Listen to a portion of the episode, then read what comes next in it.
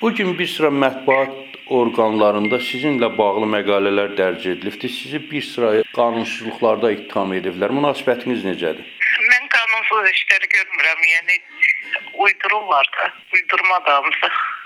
E, mən sadəcə o fikirləşirəm uydurmalara xərclənən vəsait ki var, uydurmaları. Heç olmasa bir keyfiyyətli yalan uydursalar. Bununla bağlı məhkəməyə, digər mühafizə orqanlarına müraciət etmək fikriniz varmı? Bu böhtanlarla bağlı. Bəli. Nə ola biraz adamın enerjisini, adam enerjisini də tükətmək istəmir belə uydurmalara. Xarici məsləhətləşəcək.